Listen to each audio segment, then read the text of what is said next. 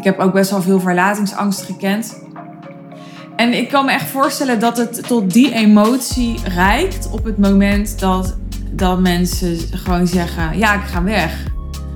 En dat ik daar wel een gesprek met ze over kan voeren, maar natuurlijk niet echt iets over uh, te zeggen heb.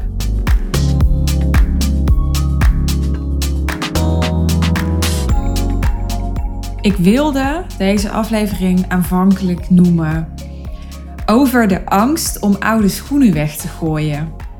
En toen dacht ik, ja, dat dekt eigenlijk de lading niet, want oude schoenen zijn tenminste nog oude schoenen. Maar waar ik het, het over wil hebben in deze aflevering is iets loslaten, iets wegdoen, tussen aanhalingstekens, wat eh, succesvol is, wat helemaal niet voelt als oude schoenen. Uh, wat je misschien al wel een tijdje doet of runt of hebt of aanbiedt of whatever. Maar dat ja, nog steeds heel vruchtbaar voelt, heel lucratief voelt, heel vervullend voelt. En toch heb je je redenen om ermee te stoppen. Nou, natuurlijk komt het niet uit de lucht vallen dat ik deze aflevering juist nu opneem. Een aantal afleveringen terug heb ik een podcastaflevering gepubliceerd die heet Stoppen op mijn hoogtepunt die heeft ermee te maken dat ik besloten heb om, zoals ze dat in de online space zeggen, vanaf 1 januari 2023 de deuren dicht te doen van mijn business traject The Real Deal. Dat waar ik jarenlang aan heb gebouwd en wat ja, geworden is tot wat het nu is. En wat heel succesvol is, waar mensen ja, enorm bijzondere leerprocessen en transformaties in doormaken. En ja, echt bovengemiddeld goede resultaten mee halen. Ik kan het niet vergelijken met elke business coach of elk business coach programma. Ik, ik hou me daar niet zo mee bezig. Maar ik ben ervan overtuigd dat het bovengemiddeld goede resultaten zijn in de sector. Ja, ik heb besloten, en ik leg helemaal in die aflevering uit uh, hoe en waarom om daar per 1 januari mee te stoppen.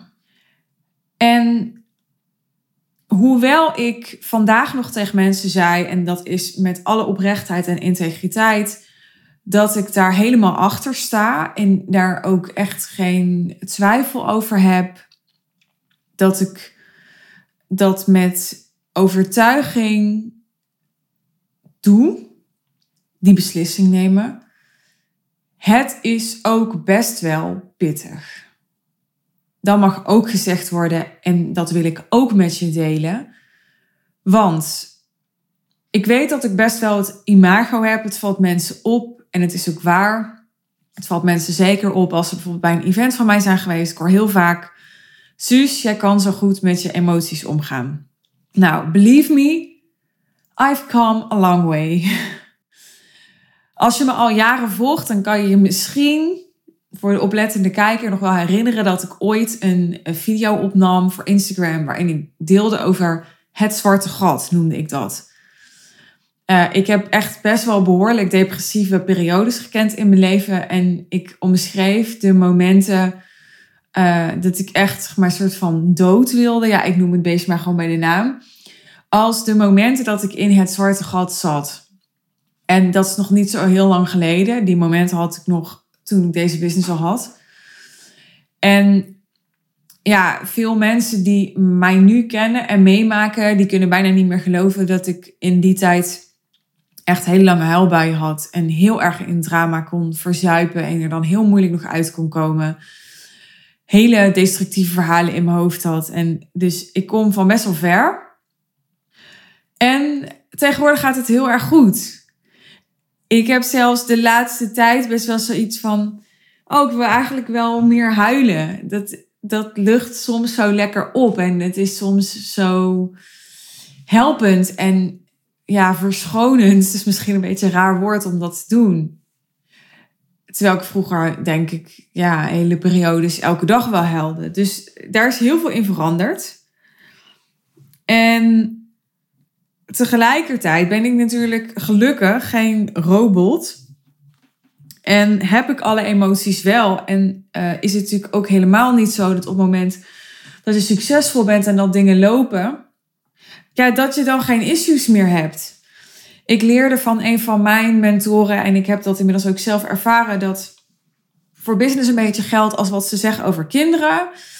Uh, kleine kinderen, kleine zorgen, grote kinderen, grote zorgen. En zo zou je over business ook kunnen zeggen: kleine business, kleine zorgen, grote business, grote zorgen. Eigenlijk wordt met meer omzet en meer succes en meer status en alles wordt soort van uitvergroot.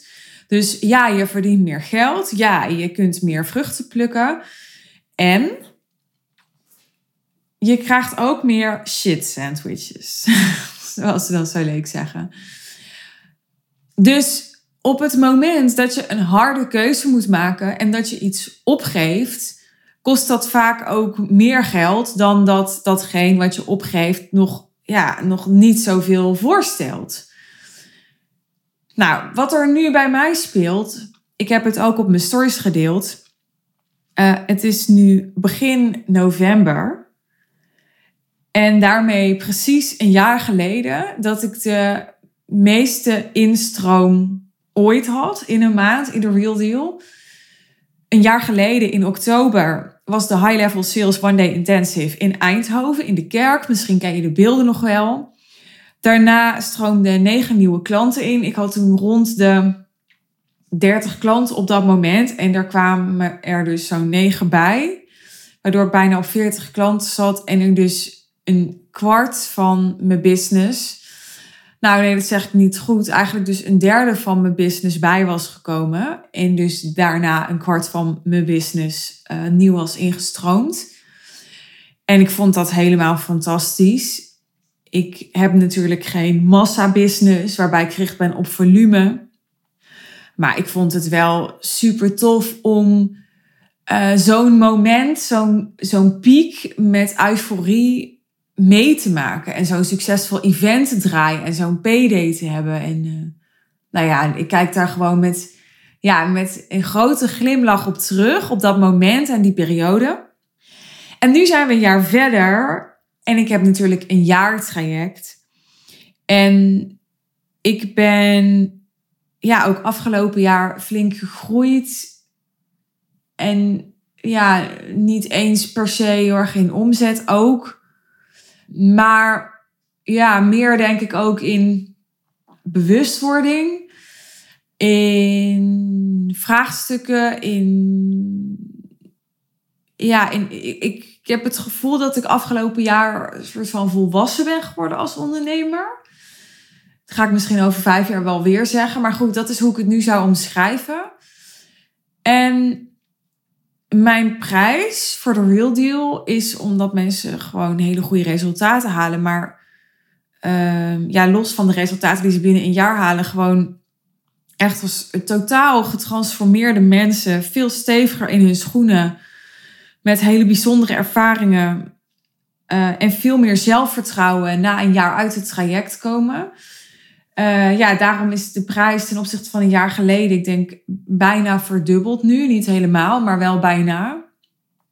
Dus de real deal en ik zelf staan weer op een andere plek dan een jaar geleden. En er is, ik ga het niet mooier maken dan het is of sugarcoaten. Er is deze maand, zoals er vorig jaar nog nooit zoveel instroom was geweest, is er deze maand nog nooit zoveel uitstroom geweest in een maand. En ik zag dat natuurlijk al wel een tijdje aankomen. En daar staat ook van alles tegenover. We hebben ook gelukkig mensen die deze maand instromen. Die na de afgelopen High Level Sales One Intensive jaar hebben gezegd bijvoorbeeld. Uh, mensen die uh, verlengen. Dat is er ook allemaal. Maar ja, er is dus ook uitstroom. En nou, afgelopen weekend, vlak voor die einddatum van 31 oktober, kwamen er allemaal afscheidsberichtjes in de groep. En los van dat ik tegen mijn team zei: Dit is echt killing, weet je wel? Wie heeft überhaupt dat hele concept van: ik ga uit, het, uit de real deal, ik ga uit de community, ik ga even een afscheidsberichtje erin zetten. Wie heeft dat bedacht? Wie is daarmee begonnen? Ja, ik vind het helemaal kut. Want ja, ik zeg altijd ook tegen mijn klanten: mensen zijn toch een soort schapen. Dus op het moment dat je vijf keer hebt gelezen, ja, ik ga eruit, ik ga eruit, ik ga eruit, en dan kom je niet eens meer op het idee om erin te blijven. Dus zeg maar strategisch vond ik het al helemaal niet relaxed dat dat gebeurde. We hebben gewoon lekker uh, afgelopen maandag op de laatste dag van de maand een post geplaatst waarin mensen uh, hun win konden delen van afgelopen maand. Nou, er was al iemand uit de community die verlengt, die zelf al op het idee kwam: ik ga even een tegenhanger van een post maken. Ik ga delen dat ik niet wegga, maar dat ik blijf. Dat is ook heel fijn. Maar goed, um, even los van, van dat ik er dus ja, als ondernemer niet per se heel blij mee was met die afscheidsberichtjes, raakte het me ook gewoon als mens. Ik ben als mens niet echt heel getalenteerd in um, afscheid nemen. Uh, iemand vertelde me een tijdje geleden dat ik ook niet zo heel goed ben in uh, mijn verlies nemen. Toen dacht ik, huh, maar ik ben bijvoorbeeld helemaal niet competitief in spelletjes. En als je met mij gaat monopolieën, dan interesseert het me echt geen reet als je wint. Maar toen ik over na ging denken, toen dacht ik, ja, maar bij de dingen die me echt aan het hart gaan, die echt belangrijk voor me zijn, klopt het wel. Mijn team zegt wel eens, Suus, die kent geen nee ik denk dat dat een van mijn, mijn krachten en mijn zwakte is. Als ik iets echt wil, dan, ja, dan bestaat er gewoon geen nee. Ik, ik heb denk ik enorme wilskracht die voor mij normaal is. Maar ik word door mijn omgevingen wel eens ingespiegeld dat dat dus niet normaal is. Dat andere mensen veel eerder denken, ja, dat kan niet meer. Of ik kan dat niet meer. Of het gaat niet. Of het is op. Of hier is mijn grens. Of, en ik, ik ken die hele emotie bijna niet op het moment dat ik dus iets echt heel graag wil. Nou, ja, afscheid nemen maakt mogelijk mede daardoor uh, tot iets wat, ja, wat me gewoon niet goed ligt. Heeft misschien ook wel te maken met een soort verlatingsangst. Kunnen we helemaal lekker gaan vroeten in het trauma van het overlijden van mijn moeder toen ik zes was en zo. Um, ik heb ook best wel veel verlatingsangst gekend. En ik kan me echt voorstellen dat het tot die emotie reikt op het moment dat, dat mensen gewoon zeggen: Ja, ik ga weg. En dat ik daar wel een gesprek met ze over kan voeren, maar natuurlijk niet echt iets over uh, te zeggen heb. op het moment dat iemand ervoor open staat om door mij begeleid te worden in het maken van de beslissing om te verlengen, dan ben ik er natuurlijk gewoon om dat salesproces met ze te doorlopen. Maar als iemand zelf al de beslissing heeft gemaakt, ja, ik ga weg. En ik word dus eh, zonder dat ik daar ja, uh, regie op heb, uh, geconfronteerd met een afscheid. Dat vind ik als mens gewoon echt heel lastig. Ik ken ook zat ondernemers die zoiets hebben. Nou, na een jaar ben ik zijn klant ook wel weer zat en prima. Nou, ik heb dat helemaal niet. Dat gaat mij echt aan het hart als iemand weggaat. En nu klinkt het misschien alsof het me alleen aan het hart gaat, omdat ik uh, toevallig dus niet zo goed ben in afscheid nemen. Maar het gaat me ook echt wel aan het hart, omdat het inderdaad soms passend is. Ja, dat iemand uh, gewoon stopt en ja, dat het goed is zo. Um, ja, ik heb bijvoorbeeld een klant, super vervelend, maar die heeft long covid. En die, ja, die heeft gewoon best wel grote gezondheidsissues. En ja, ik snap en voel helemaal dat het op dit moment uh, niet past om, uh, ja, om voor de real deal te kiezen. Maar er zijn er ook bij wie ik het wel heel passend vind en bij wie ik nog, ja, voor wie ik nog heel veel ideeën heb en vuur ervaar en met wie ik heel graag doorbouw. Ik heb ook al vaker genoemd in mijn podcast, als ik mag kiezen, tussen een nieuwe klant of een klant die verlengt, dan zou ik kiezen voor een klant die verlengt. Want ik ben niet zo'n ondernemer die na een jaar denkt, nou, ik ben een klant eigenlijk wel zat. En die heel erg continu daarin nieuwe prikkels nodig heeft. Ik vind het juist super mooi om met een klant te bouwen. En ik vind het super mooi om na een jaar in het tweede jaar samenwerken nog veel meer te kunnen oogsten van wat er in het eerste jaar is gezaaid. Het is niet zo dat we in het eerste jaar of dat jij als ondernemer in het eerste jaar in de Real Deal niet oogst. Uh, maar het is wel zo dat ik vaak een exponentiële groei zie in het tweede jaar. Dat mensen nog veel meer de vruchten gaan plukken van wat ze in dat eerste jaar hebben opgebouwd, geïnvesteerd. En ergens een keer, ik weet nooit precies wanneer, in het eerste jaar of in het tweede jaar, er komt natuurlijk ook altijd ergens een keer een dip. Iets gaat nooit alleen maar in een steile lijn omhoog. Dus ook in het tweede jaar kan er een dip komen. Maar ook dan zul je ervaren dat je er uh, beter en gemakkelijker en sneller van kunt herstellen. Omdat ook door de real deal je veerkracht enorm groeit. Dat gaat gewoon vanzelf door het proces, merk ik.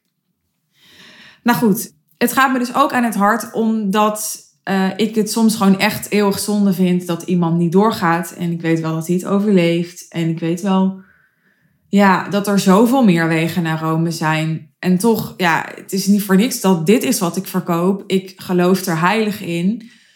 Ik vind het ja, het meest waardevolle business coaching programma van Nederland. Dus ik gun het gewoon mensen echt om daarvan te profiteren met heel mijn hart.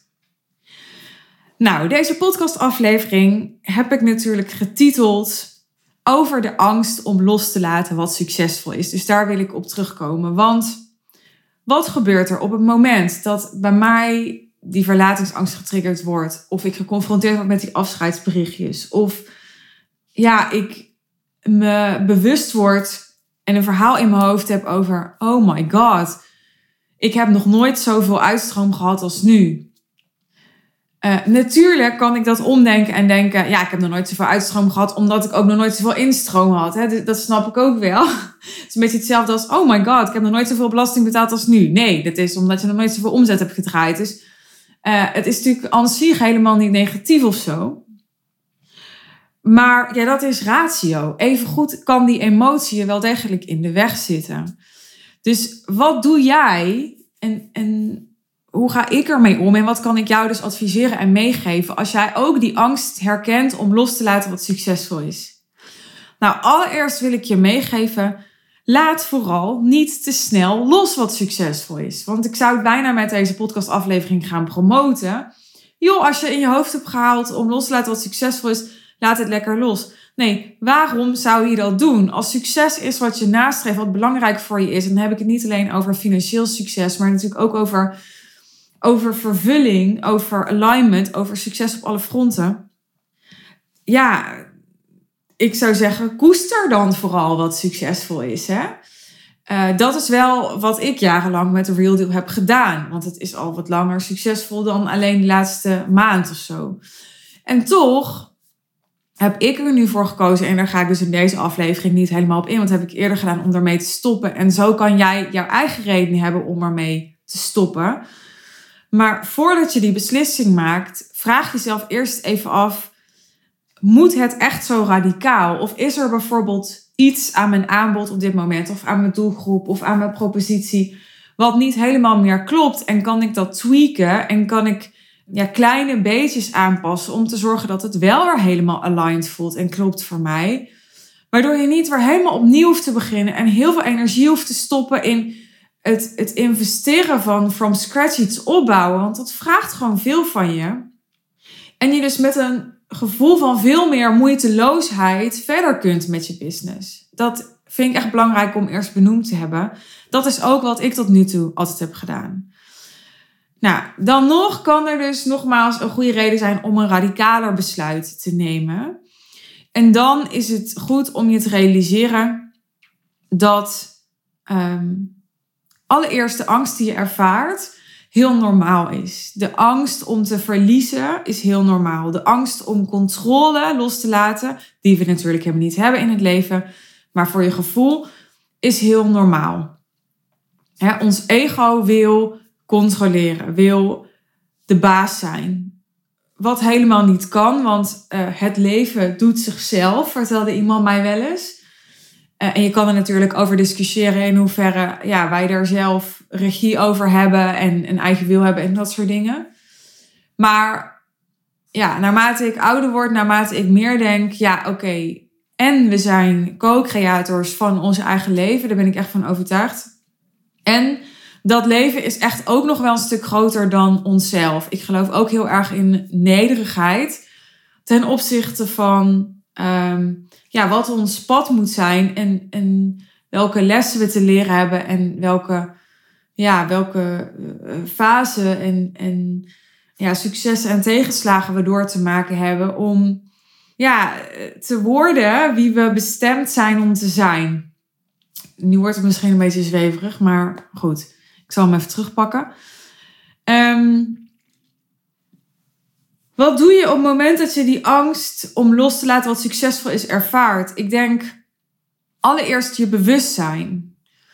Op het moment dat je je niet bewust bent van die angst en je zit bijvoorbeeld die angst weg te rationaliseren voor jezelf te onderdrukken, dan ga je al snel allemaal vermijdend gedrag vertonen om ook maar wat je onderdrukt niet boven te laten komen en die angst inderdaad niet te voelen en te doorleven.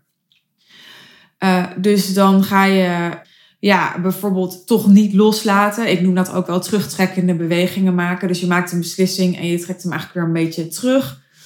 Je gaat daar ook allerlei redenen, rechtvaardigingen, excuses voor bedenken. Je gaat ja, krampachtig hechten aan wat je nog wel hebt en wat je niet loslaat.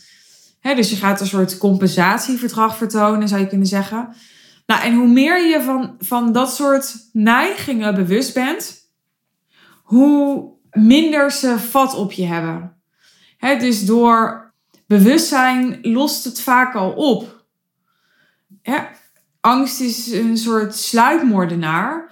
Maar op het moment dat je hem ontmaskert, dan lost die eigenlijk op. Hetzelfde als met ego. Op het moment dat je je ego gewoon aankijkt en je eigenlijk zegt, joh, ik zie je. Ik zie dat je aandacht vraagt. Ik zie dat je me wil beschermen.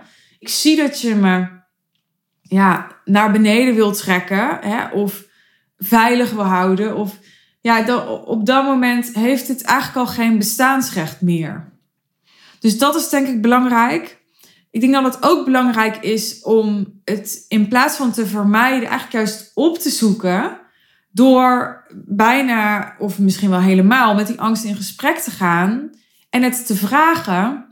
Goh, angst, waar ben je eigenlijk precies bang voor? Waar gaat dit nou eigenlijk over? Dus in mijn geval, um, ja, ben ik er bang voor dat nu al mijn succes opdroogt? Ben ik er bang voor dat nu uh, mijn omzet instort? Ben ik er bang voor uh, dat mensen uh, erover gaan praten dat ik niet meer zo succesvol ben als ik was? Omdat andere mensen in mijn community zien wat die uitstromer is. He, dus ben ik bang voor mijn status? Ben ik bang voor mijn positie? Ben ik bang voor uh, misschien wel mensen die heel dichtbij me staan, die minder respect voor me gaan hebben op het moment dat er een dip komt in mijn business, ben ik misschien wel helemaal niet bang voor een dip of iets wat, wat minder succesvol is. Maar ben ik juist bang dat ik plek aan het maken ben voor iets wat misschien wel zo succesvol gaat zijn en zoveel impact gaat hebben, dat ik daar bang voor ben. Nou, je voelt al, als ik even brainstorm, dan zijn er al allerlei verschillende ja, specificaties van die angst mogelijk. En op het moment dat je ja, die angst niet ontleedt, dan wordt het een soort ja, enorme berg voor je die je niet meer kunt overzien. Tot op het moment dat je gewoon gaat onderzoeken waar gaat die angst precies over, dan zul je zien dat je voor 90% helemaal niet bang bent en dat waarschijnlijk één klein stukje is. En op het moment dat je naar dat kleine stukje dan kijkt, dan, dan wordt het weer behapbaar. En dan kun je bij wijze van spreken het omarmen, gewoon visueel bij ze spreken voor je zien en je armen eromheen slaan en zeggen: Het is goed. ik zie je, ik voel je, ik weet dat je aandacht wil. Um, die krijg je ook, maar je bent niet de baas, je bent niet in charge. Dus ik zie je en ik maak desondanks mijn eigen beslissingen. Dus je laat het niet aan het roer staan, die angst. Nou, wat natuurlijk altijd helpt, ik heb dat ook in eerdere podcast gezegd, op het moment dat je angst ervaart, wat voor angst dan ook, is ga verbinden met je verlangen. Dus herinner je jezelf eraan, waarom maak je deze keuze? Wat is je motivatie? Waarom is het belangrijk voor je? Welke kernwaarden zitten daaronder? Um, ga alvast visualiseren hoe het ideaalplaatje eruit ziet als je daar bent waar je nu naartoe wil. Waarom je loslaat wat je loslaat. hoe meer je bezig bent met je verlangen, hoe minder je bezig kunt zijn met je angst. Weet je wel, angst en liefde kunnen niet tegelijkertijd bestaan. Dus als je verlangen liefde representeert, ja, hoe meer aandacht je geeft aan verlangen, hoe meer dat groeit, hoe meer dus ook de liefde groeit en angst geen kans krijgt. Ja, en ik denk dat er ook heel veel te maken heeft in een situatie waarin je angst ervaart met vertrouwen hebben in jezelf. Ik probeer altijd terug te vallen op um, het maakt niet meer uit wat er gebeurt. Weet je wel, al neemt iedereen al mijn geld af, al mijn business af, mijn hele positie af, wat dan ook. Niemand kan afnemen wat er in mij zit. Niemand kan mijn inner work van me afnemen. Niemand kan mijn skills van me afnemen. Uh, ja, oké, ik kan een, een hersenbloeding krijgen en een, een, als soort kastplaats door het leven gaan.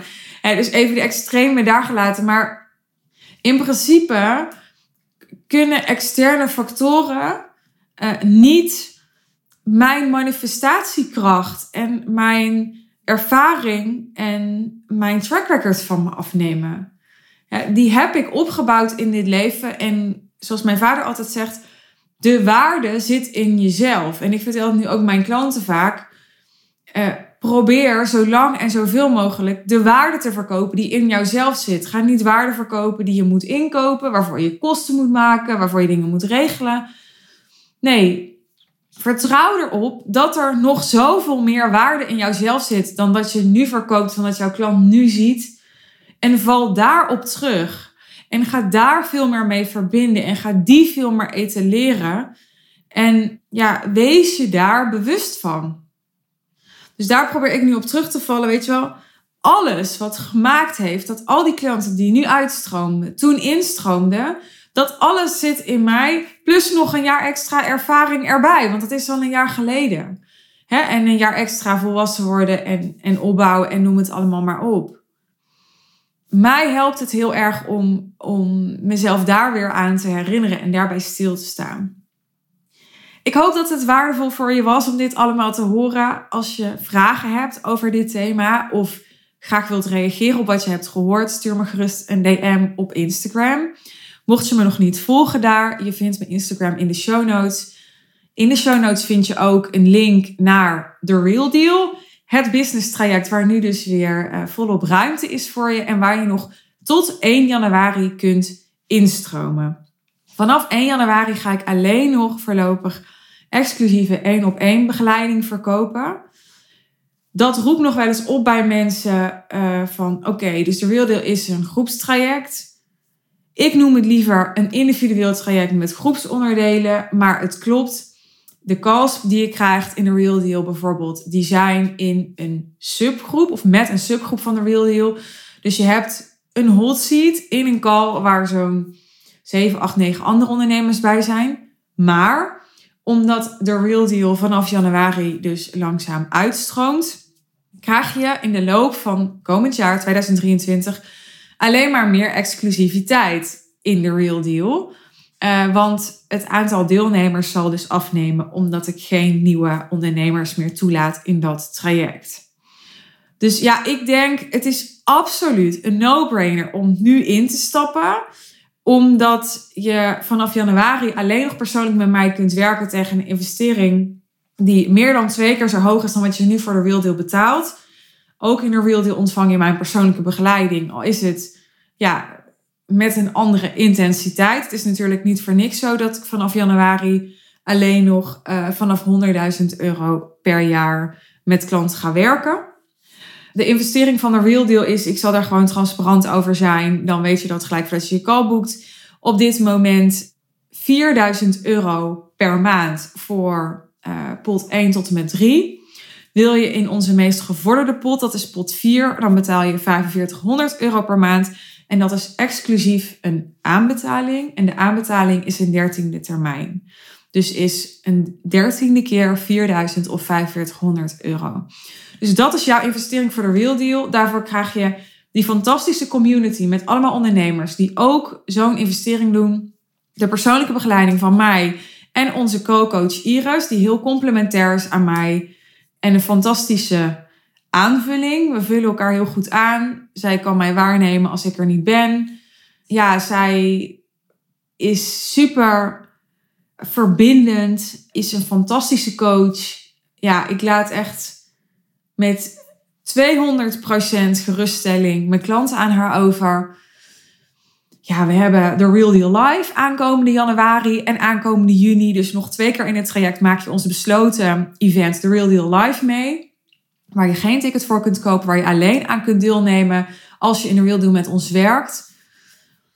Ja, nogmaals, voor mij is het gewoon zo'n no-brainer. Vandaar dat ik er even wat langer bij stilsta aan het einde van deze aflevering. En als jij dat ook voelt, een klein beetje of heel erg, ga naar de show notes. Ga naar de sales page over de Real Deal. Boek je call met ons. Ga in gesprek met Iris. In eerste instantie zal je haar spreken. Daarna kun je nog met mij in gesprek. Doe wat voor jou op dat moment de juiste beslissing is. Maar ga zeker het gesprek met ons aan als je je geroepen voelt. Uh, zodat je nog voor 1 januari jouw beslissing kunt maken. Dankjewel voor je aandacht. Heel graag tot de volgende aflevering. En een hele mooie dag, avond of misschien wel nacht. Ciao!